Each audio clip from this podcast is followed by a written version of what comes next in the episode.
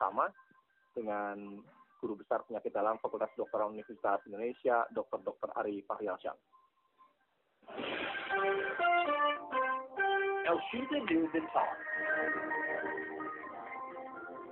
Dr. Ari, sebelumnya kami mengucapkan selamat Hari Kesehatan Nasional ke-56. Ini untuk seluruh tenaga kesehatan di Indonesia dan juga seluruh masyarakat. Mudah-mudahan jika kita menyatukan tekad menuju Indonesia sehat, pandemi COVID-19 bisa segera berlalu dari tengah-tengah kita, dokter. Ya, makasih, amin. ya, terima apa kasih. Makna, ya, apa ya, makna yang diresapi oleh dokter Ari dalam Hari Kesehatan Nasional ke-56 yang jatuh hari ini?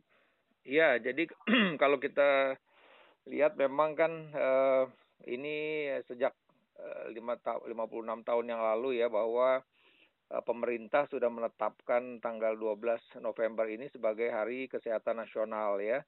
Dan kebetulan nah tentu kalau bicara soal bicara soal kesehatan kementerian yang paling bertanggung jawab untuk hal tersebut adalah Kementerian Kesehatan.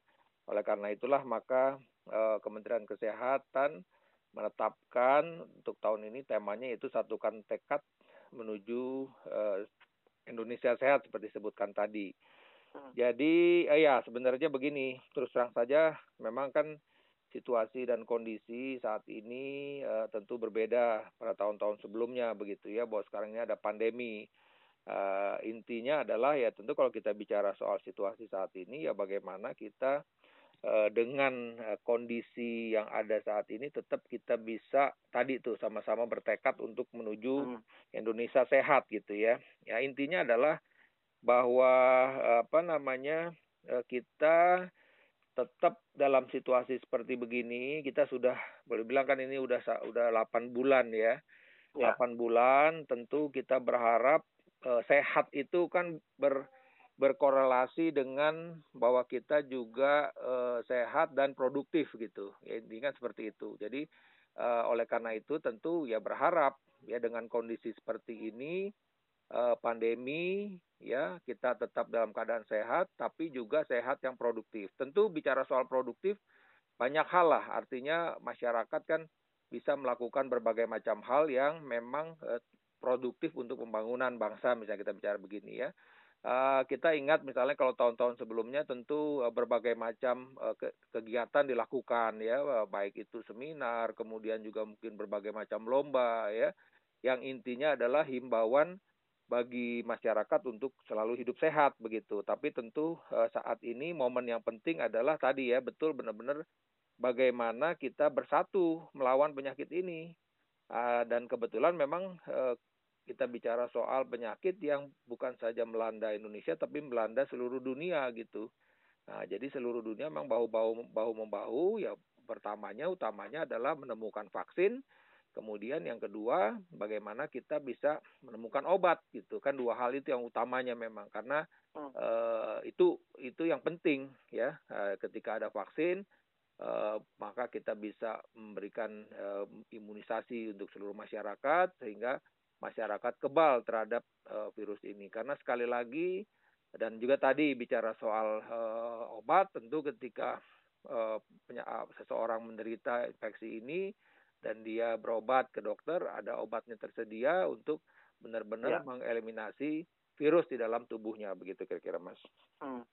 Tapi kalau kita melihat selama 8 bulan ini dok, kurang lebih, kita ini sudah menyatukan tekad belum sih untuk kita betul-betul bebas dari pandemi COVID-19, entah itu unsur masyarakat, nakes, dan juga pemerintah yang memimpin untuk kita berperang lawan COVID-19 ini, dok? Ya, terus terang saja kalau nakes uh, boleh dibilang sebagian besar lah kita bilang begitu ya.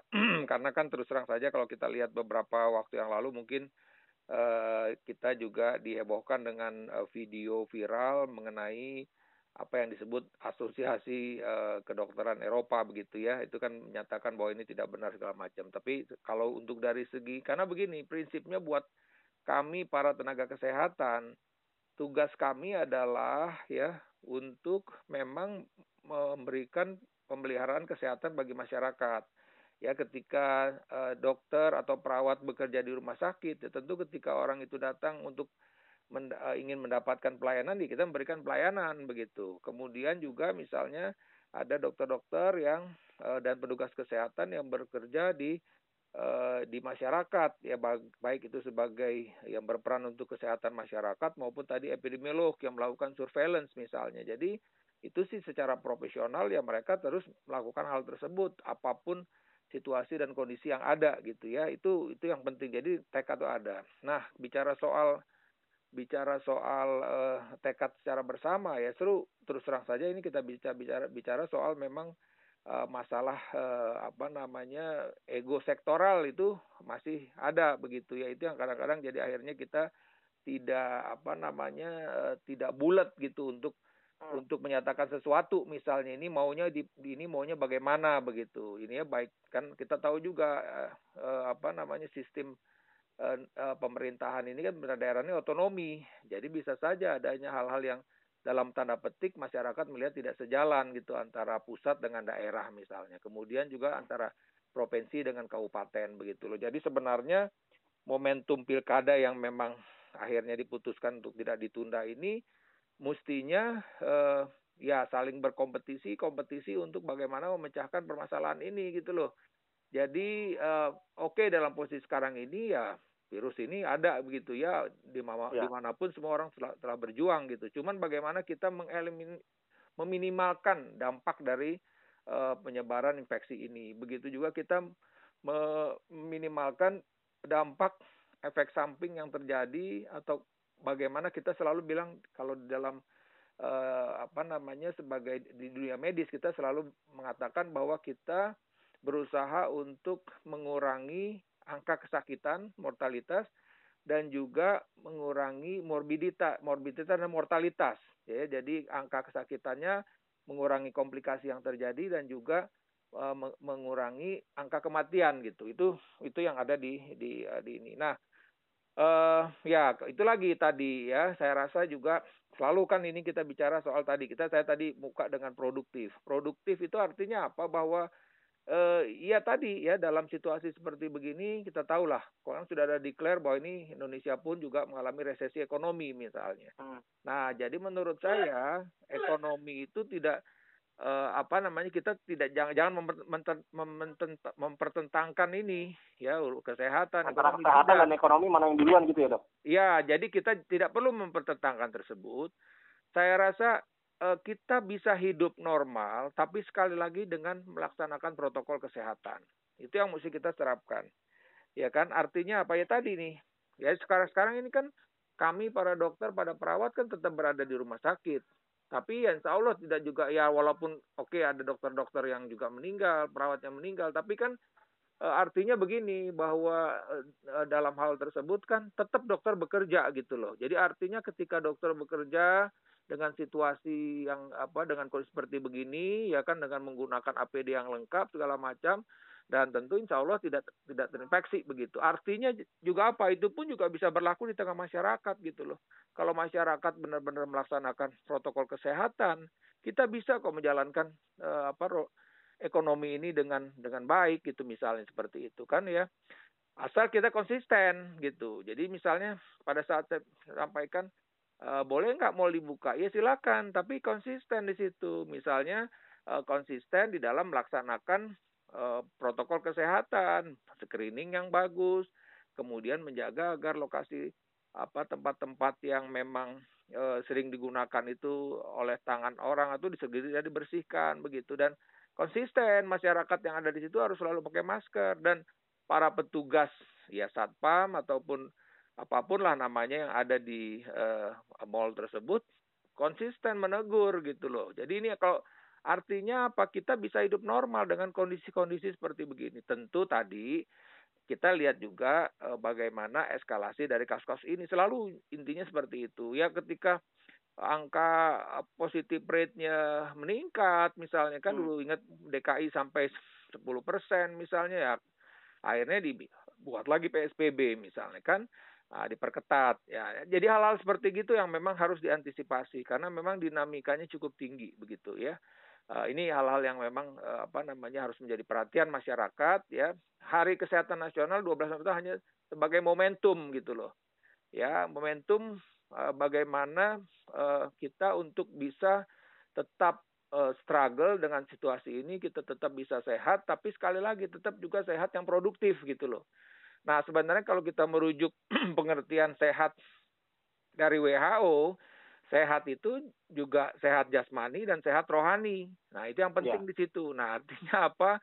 Ya kita ya oke okay lah saya pasien-pasien juga datang berobat mungkin 70% itu karena selalu menyebut kami stres dok, saya stres dok segala macam. Tapi ya itu tadi ya bagaimana kita bisa uh, apa namanya hidup dalam kondisi seperti begini ya sehat tentu fisik kita sehat ya. Kemudian juga Sikit jiwa juga kita sehat, dong. nah itu yang saya bilang tadi jiwa kita juga mesti sehat gitu loh.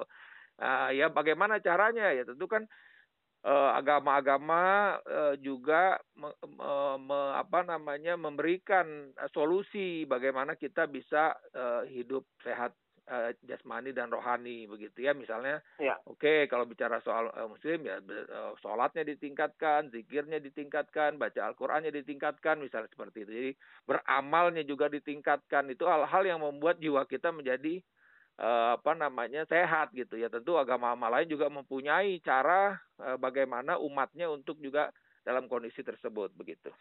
Ya Dok, kita akan libatkan masyarakat juga ya, pendengar Sinta untuk bisa menyampaikan pendapat dalam hari peringatan Kesehatan Nasional, Hari Kesehatan Nasional ke-56. Temanya adalah satukan tekad menuju Indonesia sehat. Pandangan Anda bagaimana, terutama ketika Indonesia sedang menghadapi pandemi COVID-19. Tidak hanya Indonesia, tapi juga dunia saat ini. Apa pandangan Anda mengenai hal itu? Dan apa yang harus dilakukan soal menyatukan tekad menuju Indonesia sehat di tengah pandemi COVID-19? Silakan Anda bisa hubungi 0215869000 atau SMS dan WhatsApp di 0811806543. Ada via WhatsApp dari Pak Dede di Joglo, ini soal tadi sehat fisik dan psikis. Tapi kalau psikisnya terganggu, apakah akan mempengaruhi fisik kita dok? Dan berapa persen soal psikis ini mempengaruhi kondisi kesehatan fisik kita sebetulnya? Iya, jadi betul sekali itu ada istilahnya kita bilang penyakit psikosomatik. Psikosomatik itu adalah di mana kalau dalam tanda petik psikis kita ini tidak sehat itu akan berpengaruh kepada badan kita ya kan? Misalnya saya ambil contoh yang ringan apabila kita e, habis marah-marah itu yang terjadi bisa tekanan darahnya naik jantungnya berdebar-debar asam lambung menjadi meningkat begitu ya. Kalau dia punya penyakit kronis misalnya asma asmanya jadi kambuh itu contohnya begitu. Nah Uh, seberapa besar tadi pertanyaannya seberapa besar dampak psikis itu ya cukup besar tergantung berbagai macam penyakit dan tergantung dari uh, seseorang. Jadi seperti misalnya pada kelompok-kelompok orang yang memang sudah ada sakit mah misalnya uh, ketika dia stres itu bisa sampai 30% itu as, uh, uh, apa namanya asam lambungnya kambuh gitu. Kemudian pada orang-orang yang misalnya karena tadi hipertensi dan kebetulan memang uh, faktor stres itu mendominasi juga bisa angkanya tinggi. Tapi ada juga orang-orang yang misalnya dia hipertensi tapi mungkin uh, dia bisa apa namanya adaptasinya cukup tinggi ketika dia stres mungkin uh, dampaknya hanya kecil misalnya. Jadi itu sifatnya pertanyaan itu sifatnya individual. Nah, cuman begini buat masyarakat ya harus mengenali diri nih. Jadi sebenarnya kan semangat dari Hari Kesehatan Nasional ini adalah bagaimana juga masyarakat harus diingatkan eh, bagaimana dia bisa eh, apa namanya self assessment terhadap status kesehatannya gitu. Nah, maksudnya bagaimana? Jadi artinya begini, masyarakat juga harus bisa mengenali dirinya dalam dirinya sendiri apa perubahan yang terjadi dan jangan menjadi dokter buat dirinya sendiri. Misalnya saya ambil contoh ini ah batuk-batuk ah ini kan saya ngerokok jadi batuk-batuk wajar. Tidak bisa seperti itu. Ketika batuk-batuk hmm. itu sudah lebih dari dua minggu oh jangan-jangan ada sesuatu. Mesti datang berobat ke rumah sakit di foto torak misalnya. Atau saya ambil contoh lagi uh, di bidang uh, apa namanya pencernaan. Uh, ketika dia buang air besar berdarah ah saya kan uh, ambeien jangan. Itu kan berarti jadi dokter sendiri. Jangan-jangan yang memang betul uh, buang air besar berdarah bisa menyebabkan ambeien. Tapi buang air besar berdarah bisa bisa disebabkan oleh cancer gitu. Jadi BAB berdarah bisa disebabkan oleh ambeien betul. Tapi jangan-jangan buang air besar berdarah yang terjadi saat itu karena cancer. Jadi ini juga yang selalu pada pada kesempatan Hari Kesehatan Nasional masyarakat ya ini tugas pementeri uh, tugas kita semua sebenarnya saya yang ada di jalur kesehatan uh, di di apa sebagai tenaga medis kemudian di di institusi ya terus terang saja memang kita dalam tanda petik kadang-kadang uh, uh, ya dengan kondisi pandemi ini lupa gitu loh ini hari kesehatan nasional misalnya seperti itu. Tapi ya tentu tadi Kemenkes tema ini terima kasih juga Elsinta sudah mengangkat hal ini topik ini ya menjadi menjadi diingatkan kembali. Sejatinya sih kami petugas kesehatan ya selalu ya artinya di dalam tugas tadi ya tetap melayani, mengingatkan masyarakat. Cuman tadi ada momen-momen penting tadi nih. Hmm. Nah, ini kan momen-momennya sekarang ini nih ini hari kesehatan nasional. Ayo eh, bagaimana kita apa namanya bisa melaksanakan untuk hidup sehat dan tadi ini salah satu bicara soal tadi uh, penyakit psikosomatik atau penyakit-penyakit lain bagaimana kita bisa mendeteksi dini adanya sesuatu yang nggak beres di dalam tubuh kita gitu. Oke. Ada Pak Armin di Jakarta Barat via telepon ini dok. Ya, Halo, ya, selamat pagi Pak Armin. Halo, selamat pagi. Assalamualaikum, Bung. Waalaikumsalam. Bung, siapa Dedi? Dengan Dedi, Pak. Dedi sudah selesai tadi jam 5. Enggak, saya mau... Pak Armin, mohon maaf. Ini pakai uh, handsfree atau di loudspeaker ya handphonenya? Saya dengar suara saya di belakang uh, suara saya ini. Enggak, enggak pakai apa-apa. Ini emang handphonenya ada kayak dubbing gini deh. Oh, double jadinya ya. Oke, silakan Pak Armin. Begini dok, saya mau nanya kalau soal trauma kan trauma soal covid kan ada juga orang trauma nah, satu kesehatan kan, kedua yang trauma soal pernikahan nih dok, sekali nikah gagal, dua kali nikah gagal. Nah itu si wanita itu nggak mau nikah lagi, itu gimana tuh tentang kesehatan tuh pak dokter? Yeah. Mohon penjelasannya lah. Oke, okay, ini semua dalam walafiat. Terima kasih, amin. Waalaikumsalam, Pak Armin di Jakarta Barat. Ini traumatis mungkin eh, dari psikologis mungkin ya dok ya sebetulnya. Ya, jadi jadi betul ya. Jadi ketika itu itu juga benar itu. Jadi artinya begini kan saya tadi bilang bahwa WHO sudah menetapkan yang namanya sehat itu adalah sehat jasmani, sehat rohani begitu ya. Uh, kemudian juga bisa produktif. Itu juga satu lagi hal lagi itu sehat juga bisa produktif, bukan sehat tapi tidak produktif gitu.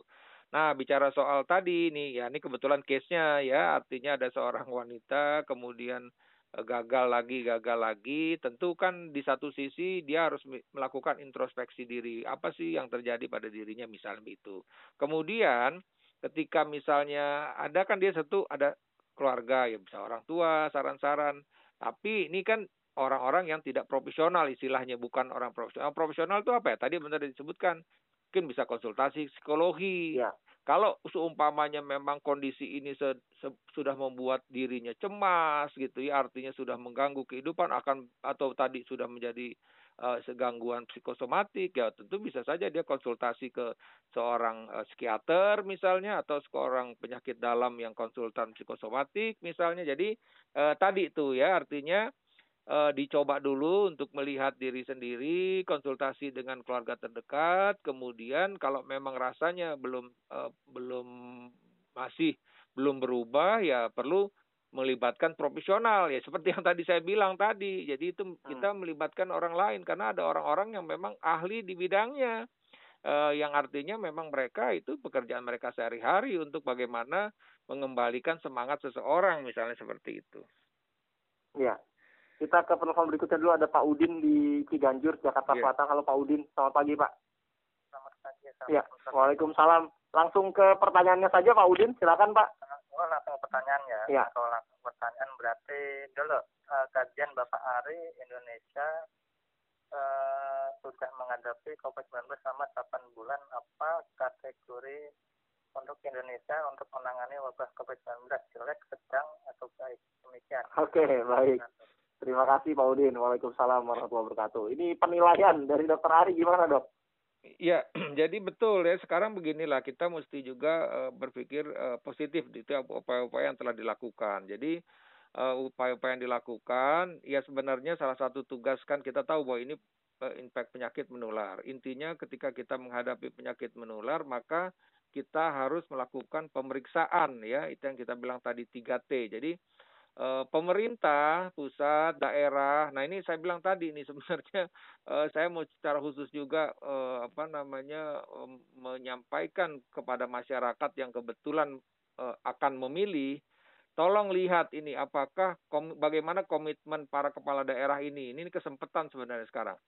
Jadi artinya apa tadi misalnya apakah dia memang menguasai bagaimana memanage uh, infeksi ini di tengah masyarakat karena ini terus terang saja ini sudah menyebabkan sendi-sendi kehidupan kita semua terganggu gitu ya. Semua sisi kehidupan pendidikan ya kesehatan juga tadi orang juga ragu untuk datang ke rumah sakit. Misalnya perekonomian sudah pasti kita sudah mengalami resesi kemudian kehidupan sosial semuanya lah. Artinya ini kan sudah mengganggu. Jadi artinya tadi kembali lagi Nah, upaya-upaya yang dilakukan yang harus dikejar oleh pemerintah ini adalah bagaimana kita bisa melakukan secara masif itu yang kita bilang 3T tadi. Jadi artinya kita melakukan uh, tracing, kalau ada kasus yang memang positif, kemudian kita lakukan tes, pemeriksaan apakah dia positif atau negatif, kemudian dilakukan treatment ya uh, untuk orang yang positif tadi ya dengan cara diisolasi misalnya kemudian diberikan uh, obat-obatan agar kondisi sakitnya tidak bertambah berat. Jadi ini yang perlu dilakukan. Jadi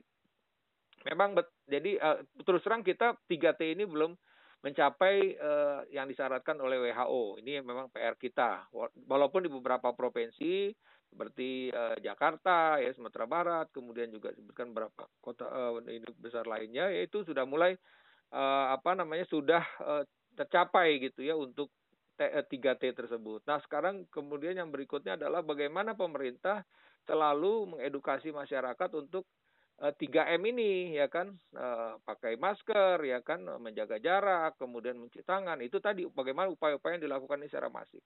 Nah kemudian di satu sisi lagi, nah ini tugas pemerintah juga ya dengan kementerian-kementerian yang ada tadi mendukung riset di bidang pendidikan kedokteran. Nah memang sudah ada dana-dana itu, tapi saya rasa dana-dana itu harus segera juga terus digelontorkan agar para peneliti-peneliti Indonesia ini yang saya bilang tadi kita mesti benar-benar bisa berdiri di kaki sendiri. Ya saya ambil contoh misalnya apa yang eh, kami para para akademisi misalnya di di Universitas Indonesia ya membuat ventilator kerjasama eh, Fakultas Kedokteran dengan uh, Fakultas Teknik Universitas Indonesia membuat ventilator. Itu kan seperti tadi itu. Nah itu harus disupport misalnya Kemudian juga bagaimana lagi misalnya kita melakukan apa membuat aplikasi-aplikasi, aplikasi untuk mendeteksi nih masyarakat kalau eh, dengan aplikasi ini bisa lihat nih posisi resikonya bagaimana. Ya kemudian tadi juga menciptakan aplikasi untuk eh, mengetahui eh, apa eh, tentang persediaan APD misalnya. Kemudian juga tadi membuat lagi eh, menciptakan dan juga lagi dikembangkan untuk vaksin hmm. misalnya. Kemudian juga beberapa obat-obat herbal yang juga sedang uh, diteliti di, di Indonesia ini ya beberapa center. Nah itu tadi aja upaya-upaya seperti itu dan juga tadi misalnya adanya deteksi yang diciptakan oleh uh, uh, apa namanya Universitas Gajah Mada yang Genos itu kemudian juga ITS bekerja sama dengan Erlangga menciptakan robot misalnya untuk membantu ya. tenaga kesehatan. Jadi ini hal-hal yang seperti begini yang memang nah ini juga termasuk lagi tadi kan sedang riset uh, Universitas Pajajaran dengan uh, apa Bio Farma untuk uji klinik vaksin. Nah, ini tadi nih pemerintah harus semua ini mendukung hal-hal yang seperti ini ya untuk untuk uh, bagaimana kita bisa menemukan inovasi-inovasi baru ya untuk kita gunakan untuk masyarakat. Kemudian di satu sisi lagi tadi oke okay, masalah ekonomi itu penting. Ya, jadi bagaimana misalnya memang stimulus-stimulus uh, uh, ekonomi ini harus diberikan. Ya, tadi ada beberapa apa namanya eh, misalnya bantuan-bantuan terhadap masyarakat. Intinya kan agar masyarakat ini juga bergerak begitu. Jadi ini yang memang kita tuntut agar pemerintah terus secara terus-menerus dan juga di sisi lain misalnya rumah sakit juga selalu disiapkan tadi ya rumah sakit rumah sakit disiapkan uh, dengan peralatan-peralatan untuk mendukung di dalam penanganan COVID ini. Kemudian hmm. juga tentu tadi terima kasih juga apa namanya apresiasi terhadap tenaga kesehatan. Ya misalnya ada ya. yang memang uh, untuk insentif. Ya ini sekali lagi memang kan untuk eh, jalur-jalur uh, yang di rumah sakit pemerintah.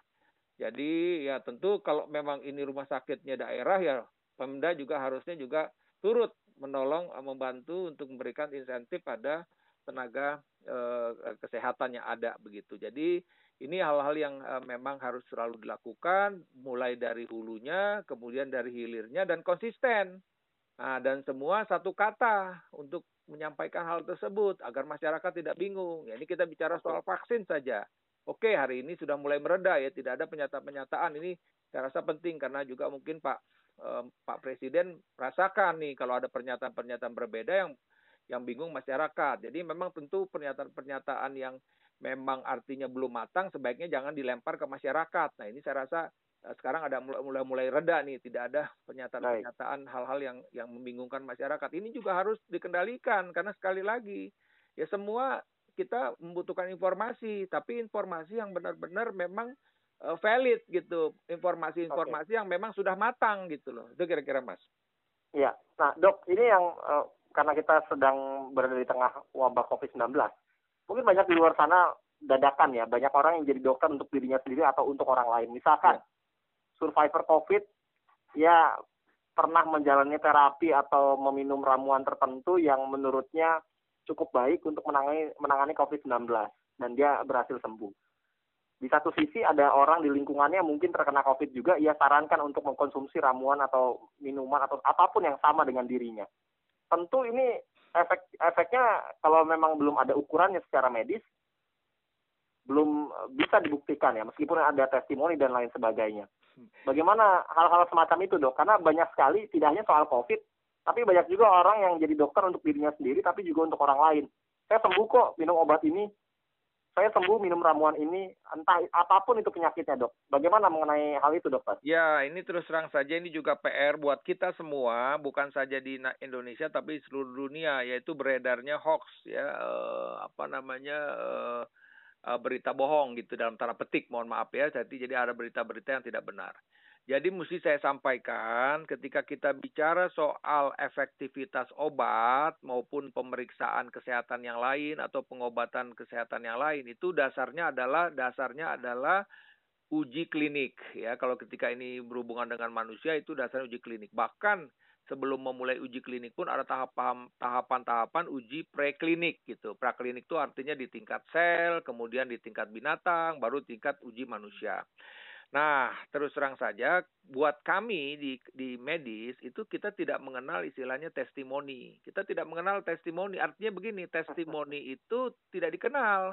Uh, ada juga yang biasanya saya cocok sama dokter ini. Nah, itu kan testimoni testimoni juga, Dok. Ya, kalau itu kan lain. Kalau itu kan testimoni artinya kan testimoni pengakuan bahwa dia uh, berobat ke situ cocok. Itu kan bisa. Tapi yang hmm. saya bilang tadi yang yang saya sebut dan itu juga artinya juga uh, uh, um, tidak menjadi dasar begitu bahwa dia uh, apa namanya ya artinya dokter kan memang di, dipunyai apa diberikan kemampuan untuk melakukan diagnosis kemudian bisa penunjang dan obat. Itu kan bicara hubungan antara hubungan manusia itu antara dokter dengan pasien. Jadi sekali lagi tadi Kenapa kok saya bilang eh, testimoni tidak bisa menjadi pegangan di dalam pengobatan? Karena kita bisa bilang begini, yang namanya testimoni tadi saya sembuh pakai ini. Cuman kita tanya lagi, apa apa aja yang dikonsumsi oleh orang itu? Apalagi kita bicara soal penyakit virus itu yang kita bilang self limited disease. Jadi ada penyakit yang memang bisa tubuh kita sendiri yang mengobati itu tersebut. Nah, sekarang bagaimana kalau kita benar-benar bahwa dia memang cukup efektif? Nah, itu yang tadi harus uji klinik. Bagaimana melakukan uji klinik? Nah, seperti yang sekarang ini uh, uji klinik vaksin kan ada sekelompok orang yang dikasih vaksin, ada sekelompok orang yang tidak dikasih vaksin. Nah, kemudian kita lakukan uh, apa namanya observasi ya, dilakukan pemeriksaan-pemeriksaan dan pemeriksaannya mulai dari uh, history history taking, anamnesis, uh, uh, wawancara, kemudian pemeriksaan fisik dan pemeriksaan laboratorium. Nah, ketika ini semua tahap-tahapan dilakukan, dibandingkan antara satu yang lain, oh iya ternyata efektif gitu. Nah, kemudian saya sebutkan bicara soal herbal. Herbal itu eh, tidak spesifik kan macam-macam campurannya. Jadi ketika oke okay, ini suplemen, oke okay, itu bisa sebagai tambahan. Tapi ketika ada tahap-tahap masyarakat juga mesti tahu bahwa dalam bicara soal herbal tadi pertama nih jamu. Jamu itu sesuatu empirik. Misalnya saya Oh ya, sampai contoh aja orang tua kita dari dulu itu memang kalau kita perut kembung diberikan minyak kayu putih, itu kan empirik. Ah, ketika ini memang didaftarkan, oke okay, ini sebagai jamu. Kemudian di atasnya lagi, ketika memang ini uh, cukup konsisten, uh, apa efektif, kita bilang bahwa ini herbal terstandar. Nah, itu herbal standar syaratnya harus diproduksi oleh uh, sesuatu industri yang memang uh, memenuhi aturan Badan POM Setelah dari herbal terstandar, baru yang kita bilang fitofarmaka. Oh ini mungkin sudah ada efek untuk ini kesehatan. Setelah itu detail lagi, dilihat nih apa sih komponen dari fitofarmaka ini. Ternyata oh ini ada satu agen nih, satu satu apa namanya eh, bagian dari fitofarmaka tersebut yang memang eh, cukup bisa di, diisolasi dan ini jadilah obat gitu loh. Karena sejatinya obat-obat itu ya seperti juga misalnya paracetamol itu asalnya temuannya dari tumbuh-tumbuhan misalnya. Ada beberapa obat-obat kanker yang asalnya dari tumbuhan. Tapi tadi udah tercipta memang sebagai obat.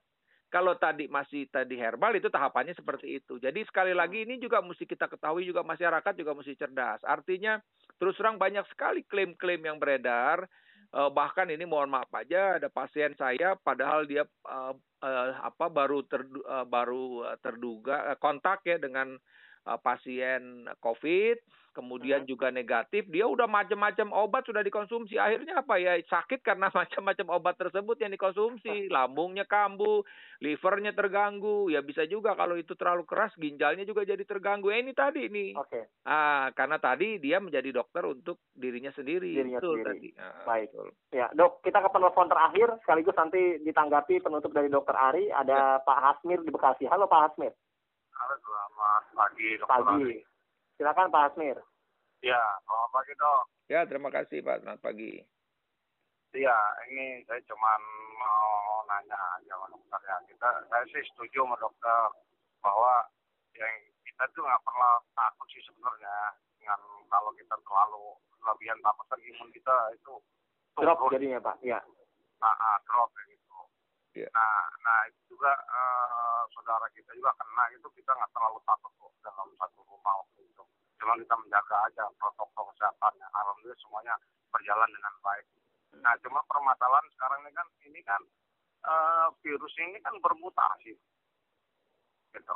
Jangan ya makanya saya saya juga bilang sama uh, keluarga dan teman jangan dianggap kamu kalau udah kena kamu akan kebal belum tentu ya mungkin dengan virus yang sama kebal kamu tapi ini kan virus yang bermutasi gitu loh dok nah itu itu mungkin anggapan anggapan orang banyak kan kalau udah kena itu kan nggak akan kena lagi. hmm, itu yang bikin orang jadi lengah ya pak. Nggak mau pakai masker iya, kayak jaga jarak gitu ya. Tentu itu okay. itu itu pasti kena lagi. Baik. karena ini bermutasi dan dan terbukti di dunia itu sudah ada. Nah yang benar dan dan, dan kita harus jalan jalan. Adalah protokol kesehatan itu. Setuju baik. kita yang menjalankan itu ya insya Allah itu akan akan akan ya minimal lah sangat minimal lah gitu. Oke, okay. baik. Terima kasih Pak Asir di Bekasi. Silakan dokter, sebagai ya. penutup juga dari dokter Ari. Ya, terima kasih ya. Jadi uh, betul tadi bahwa memang tapi sebenarnya mutasi virus untuk apa namanya COVID ini itu juga memang ada mutasi tapi mutasinya tidak begitu hebat. Jadi saya ambil contoh yang paling yang paling saat ini kita belum berhasil kan untuk virus HIV itu eh, sampai saat ini pun vaksinnya belum ditemukan. Padahal itu sudah lama dan sudah menyebabkan apa namanya banyak korban dan juga korban meninggal gitu loh ya. Karena tadi memang e, tingkat mutasi itu tinggi banget. Kalau untuk ini tidak. Kenapa tadi? Ya itu tadi kita bisa menghasilkan vaksin-vaksin yang efektif. Cuman memang sekali lagi ini kan penyakit baru. Ya belum juga setahun umur penyakit ini. Ya vaksin yang memang lolos uji klinik tahap 3 pun juga sebenarnya yang dideklar oleh WHO juga belum ada gitu loh Nanti kita tinggal tunggu aja. Tapi betul tadi ada kasus-kasus termasuk juga di Indonesia, saya juga tahu ada beberapa kasus-kasus yang ketika dia sudah terinfeksi tentu memang terbentuk antibodi. Tapi ternyata antibodinya itu tidak cukup untuk melindungi dirinya terhadap uh, serangan virus yang berikutnya. Karena ada cerita, ada lagi kasus satu tahun satu bulan lagi dia kambuh ada yang dua bulan dia kambuh tiga bulan dia kambuh dan ternyata terkonfirmasi positif. Jadi betul intinya adalah ya apa pun lah sebenarnya kita bicara uh, ketika kita bicara soal penyakit maka selalu nih kami ya saya ada di di Fakultas Kedokteran itu selalu mengingatkan uh, apa namanya peserta didik kita bicara soal pengobatan yang pertama itu adalah perubahan gaya hidup gitu loh. Ngobatin orang itu perubahan gaya hidup apa pun penyakitnya. Nah, misalnya tadi bicara soal tadi oke ini penyakit uh, COVID ini gaya hidup kita gaya hidup kita itu sekarang ini ya mau nggak mau kalau keluar bertemu dengan orang pakai masker jaga jarak, rajin cuci tangan. Nah, itu tadi gaya hidup. Kalau kita bicara soal hipertensi, misalnya gaya hidup kita sekarang adalah uh, itu tadi merubah mengurangi makan yang asin-asin, makan makanan yang berlemak, okay. misalnya seperti itu. Jadi ini uh, ya momen closing sekalian saat ini saya sampaikan bahwa ketika Anda mengalami suatu sakit, ingatlah bahwa obat itu juga harus disertai dengan perubahan gaya hidup. Ya tentu gaya hidup yang sehat. Apabila Anda tidak tahu apa gaya hidup yang uh, untuk suatu penyakit, tanya kepada dokternya. Dokter akan menjelaskan bahwa Anda tidak boleh makan ini, bukan ini. Gitu. Saya rasa itu closingnya dan uh, mudah-mudahan Hari Kesehatan Nasional ini jadi momen karena sejatinya dulu sejarahnya ini juga momen ketika kita mempunyai permasalahan uh, tingkat penyakit malaria yang cukup tinggi di tengah masyarakat Indonesia dan akhirnya kita melakukan penyemprotan massal seluruh Indonesia dan kita berhasil memberantas penyakit ini. Waktu itu uh, menekan penyakit ini walaupun sekarang pada beberapa daerah masih ada malaria ini. Tapi kita berhasil secara nasional untuk menekan jumlah kasus ini. Jadi ini mudah-mudahan dengan okay. upaya saat ini kita benar-benar melaksanakan 3M, mudah-mudahan jumlah kasus ini kita bisa tekan. Terima kasih. Amin, mudah-mudahan. Sekali lagi selamat Hari Kesehatan Nasional untuk kasih, seluruh masyarakat dan juga para tenaga kesehatan di Indonesia. Terima kasih Dokter Ari. Selamat pagi. Selamat pagi. Assalamualaikum warahmatullahi wabarakatuh. Waalaikumsalam warahmatullahi wabarakatuh. Guru Besar